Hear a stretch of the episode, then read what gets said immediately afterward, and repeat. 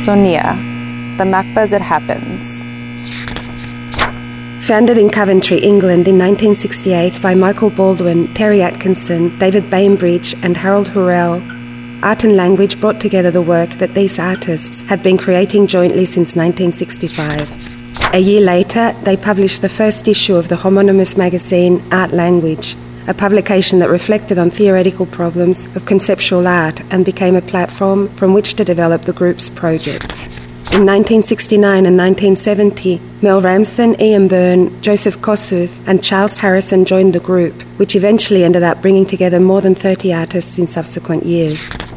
Since 1977, Art and Language has consisted of the artistic collaboration between Michael Baldwin and Mel Ramsden, with a theoretical contribution of the historian and art critic Charles Harrison, who died in 2009. Sonia talks to Michael Baldwin and Mel Ramsden to coincide with a recent deposit of an extraordinary collection of 800 pieces by Art and Language at the MACBA, courtesy of the French collector Philippe Méaille.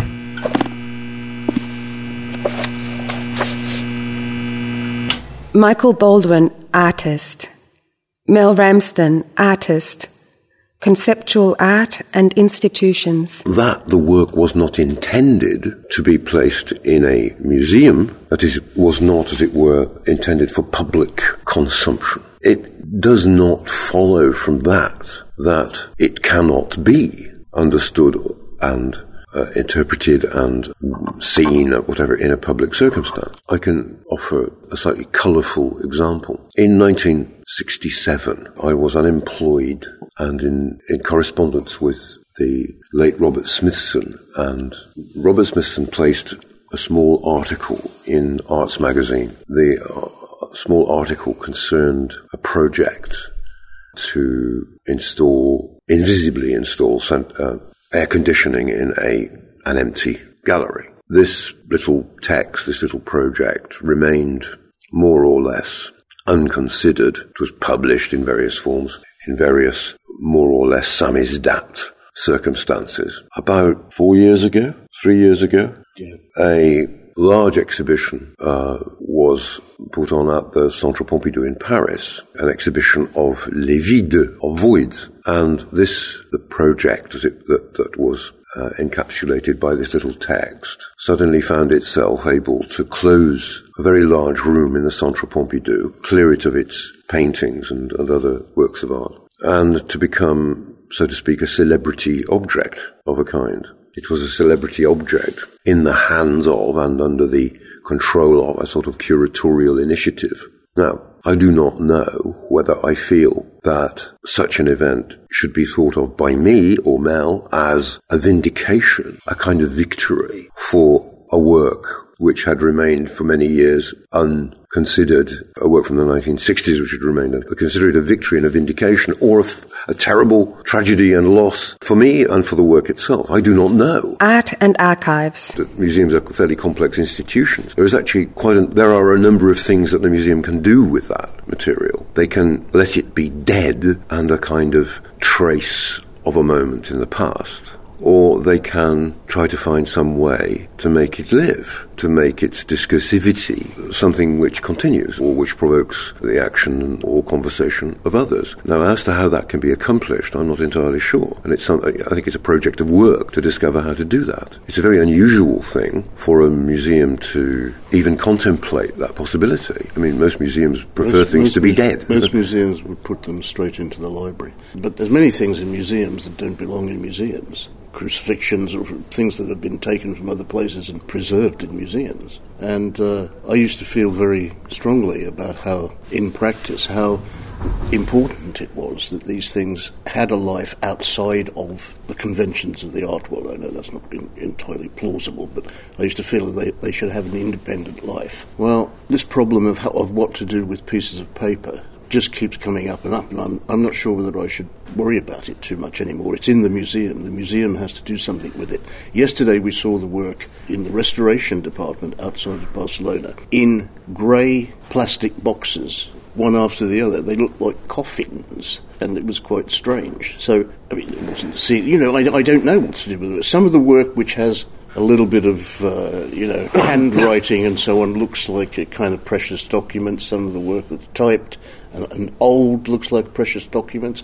What's the relationship between the information and the archival aspects? All of these things are up in the air.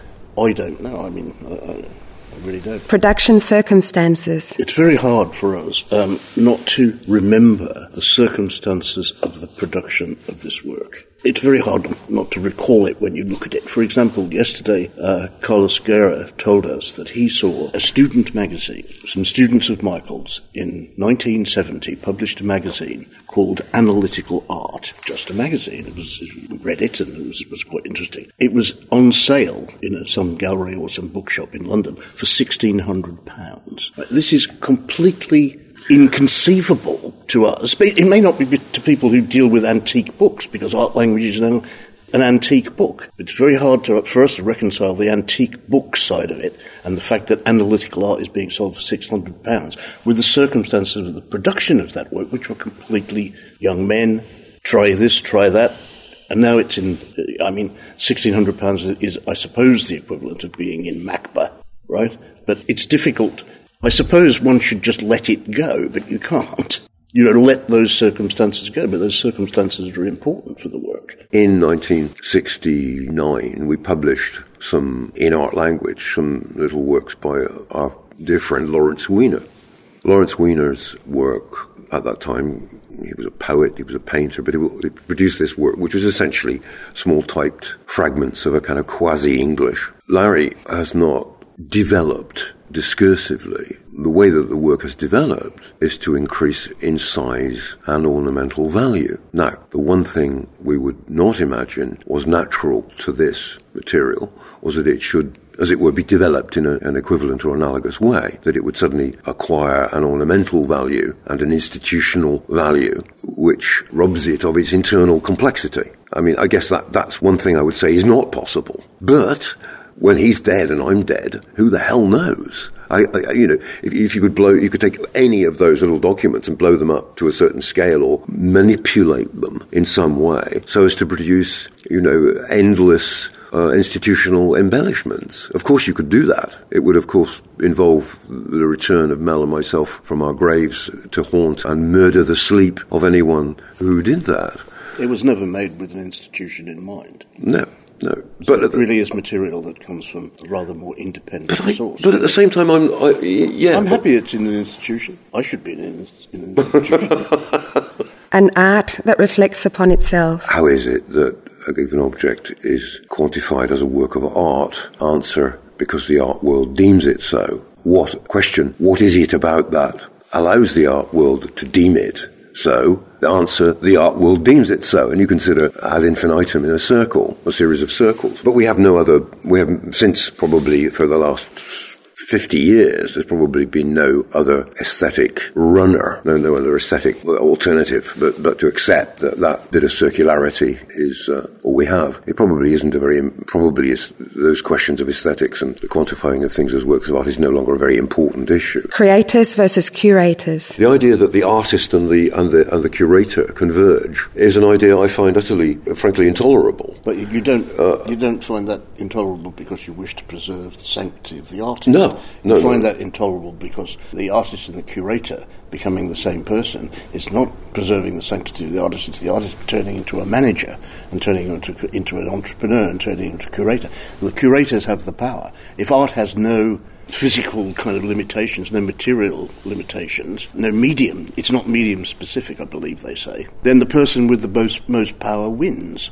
And that's what we've got today. Art and irony, a laughing matter. Those who will play the ironist had better be careful because they can easily become themselves an ironical spectacle. At the same time, one of the more disturbing and demoralizing characteristics of the art world is that it is no laughing matter. Mel once uh, found uh, some comfort in an observation of Walter Benjamin regarding convulsions of the diaphragm as compared to convulsions of the, the soul. Suggest, uh, Benjamin suggests that convulsions of the diaphragm are probably more instructive than convulsions of the soul. So we have both a, a, very powerful need to retain that sense that the art world is indeed a laughing matter, uh, while at the same time recognizing that if we were, if we play the ironist certainly too much, that we, we will die by irony ourselves. Sometimes we're ironical, but I think I think some people who do use that sort of appropriation are dependent on the kind of irony that Michael just explained might just come and bite you back because I think we're interested in we have been interested in in different forms of representation and sometimes colliding those different forms of representation and you can use irony you can use quotation you can use lots of things which you do all the time in normal conversation displacements displacements and all sorts of things like that because they make things they make representations more complex and more hard to handle and more interesting to deal with. But we've never used I don't think sometimes we have as a, you know we've never used irony as something to distance ourselves from no the from, worst from meaning the worst kind of the worst kind of art, the very worst sort of art, is that, that kind of art which is self-consciously slightly humorous. You know, the bizarre in some form, or the um, the little joke that the artist controls. I hate it, and it's the worst. You know, the, the sub Duchampian genre of you know semi. The artist as a kind of quasi clown kind of. I absolutely detest it. At the same time, there is we have to. If you are prepared to recognise, I mean, I'm, enough of a Trotskyist or enough of a Protestant to recognize that the first person in my life who has to change is me. If there is any kind of internal, if you, you, you have any kind of internal critique, there will always be displacements occurring within your practice. I can give you a very simplistic example. We came to this institution some years ago in relation to the uh, Herbert collection, and we were supposed to be uh, on a, a panel with a number of American conceptual artists. Now, the, some historians from the university, both here and Madrid, had prepared a series of questions. Those questions, some of those questions were actually quite difficult and quite uh, disconcerting in many ways. Um, we were perfectly prepared to answer those questions and to and to show whatever weaknesses we had in relation to them. Our colleagues from the United States were not prepared to do that because it, there was some danger to their the identity of their product presented by these impertinent questions. Our relationship, if you like, with with irony is, is, is probably to do with being prepared to to face up to and uh, and not feel affronted by questions which others who have a more sleek and well constructed product would find impertinent. Charles Harrison, a critic in the studio. I suppose one of the more significant things is Charles had certain skills. Among those skills were a very, he was a very good editor, he was a very good writer, and he was a, a competent and well respected academic. At the same time, our relationship with Charlie was one where uh, I think it could be quite cogently argued that uh, the ideas, the theoretical initiatives, came from the work, from the art. Uh, we didn't uh, wait for Charles to theorize our work. We tended to theorize the work and, if you like, work with Charles, as I said, who had very distinctive and useful skills um, on a, a, variety of projects. Charles never did the work, but, the, but, but we quite frequently buried our identity in his academic identity quite often. He had his own. He was he was a professional artist drawing, professional academic if that's something that makes any sense. And he he did sometimes bring things to the work, and and we spoke about it. Sometimes those things were quite interesting. Sometimes they were really annoying, you know. But it is. I mean, you said something about you know having feet in neither camp or both camps at the same time. It should be understood uh, they don't tell me what to write, and I don't tell them what to paint, as it were. But he, he's recently died, of course, as you, as you know, and uh, I think Charlie was much more of an art lover than Michael and I will ever be. Yes, yes. Ever. And there's, that's, there's a difference there which has got to do with, in England, a kind of class difference, kind of education difference. And there, there, there was always certain kind of tension going on, and still is, about those kinds of things. He loved art. And he was good at loving art. Going around a, a museum with, with Charlie was quite, quite, a, quite a thing to do. But Michael and I are not art lovers in the same way. He came to the studio on and off, but but twice a week or three times a week. We, uh, uh, unless we had if we had writing projects, there would be a whole week or two weeks or so of work together. But the division of labour is one we tended we tended to be and tend to be a little bit private about that division of labour. I, mean, I don't mean it's a secret. I mean private in the sense that, for example, I can think of circumstances where Charlie gave papers under his name as an, an academic, which in fact had been written largely by art and language. Philippe Méaille, an unusual collector. He came to us initially through Eric Fabre, didn't he? Yeah. He came to the studio from another French collector who has collected art language work. He came to the studio and then he became quite obsessed in, in, in getting hold of all of this early art language work and then later, later art language work. He's pretty, he's fairly unique as a collector. Fairly unique. I mean, I, well, I'm, I'm, I don't know what fairly unique. I, I don't know. Well, fairly I mean, unusual. He's un, think, is the unusual. Philippe is.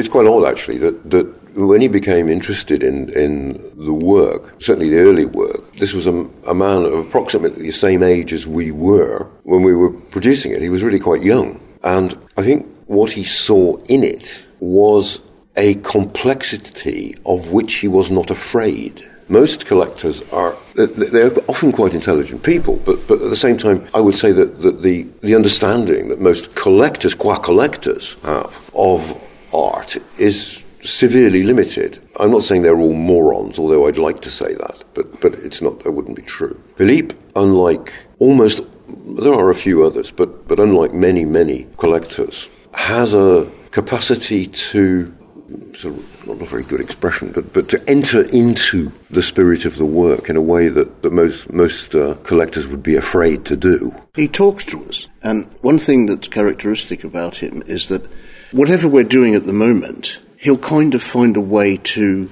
have a bit of it or contribute to it in some way by suggesting that we put it in a certain display format in his house and so on. And he'll do that with whatever we're working on at the moment. He doesn't say, I don't like that particular period of work. I don't collect that. I don't collect that. I don't like that.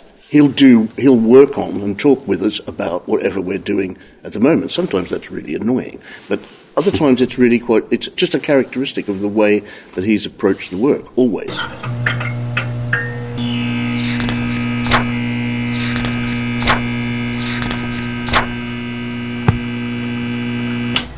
Macba.cat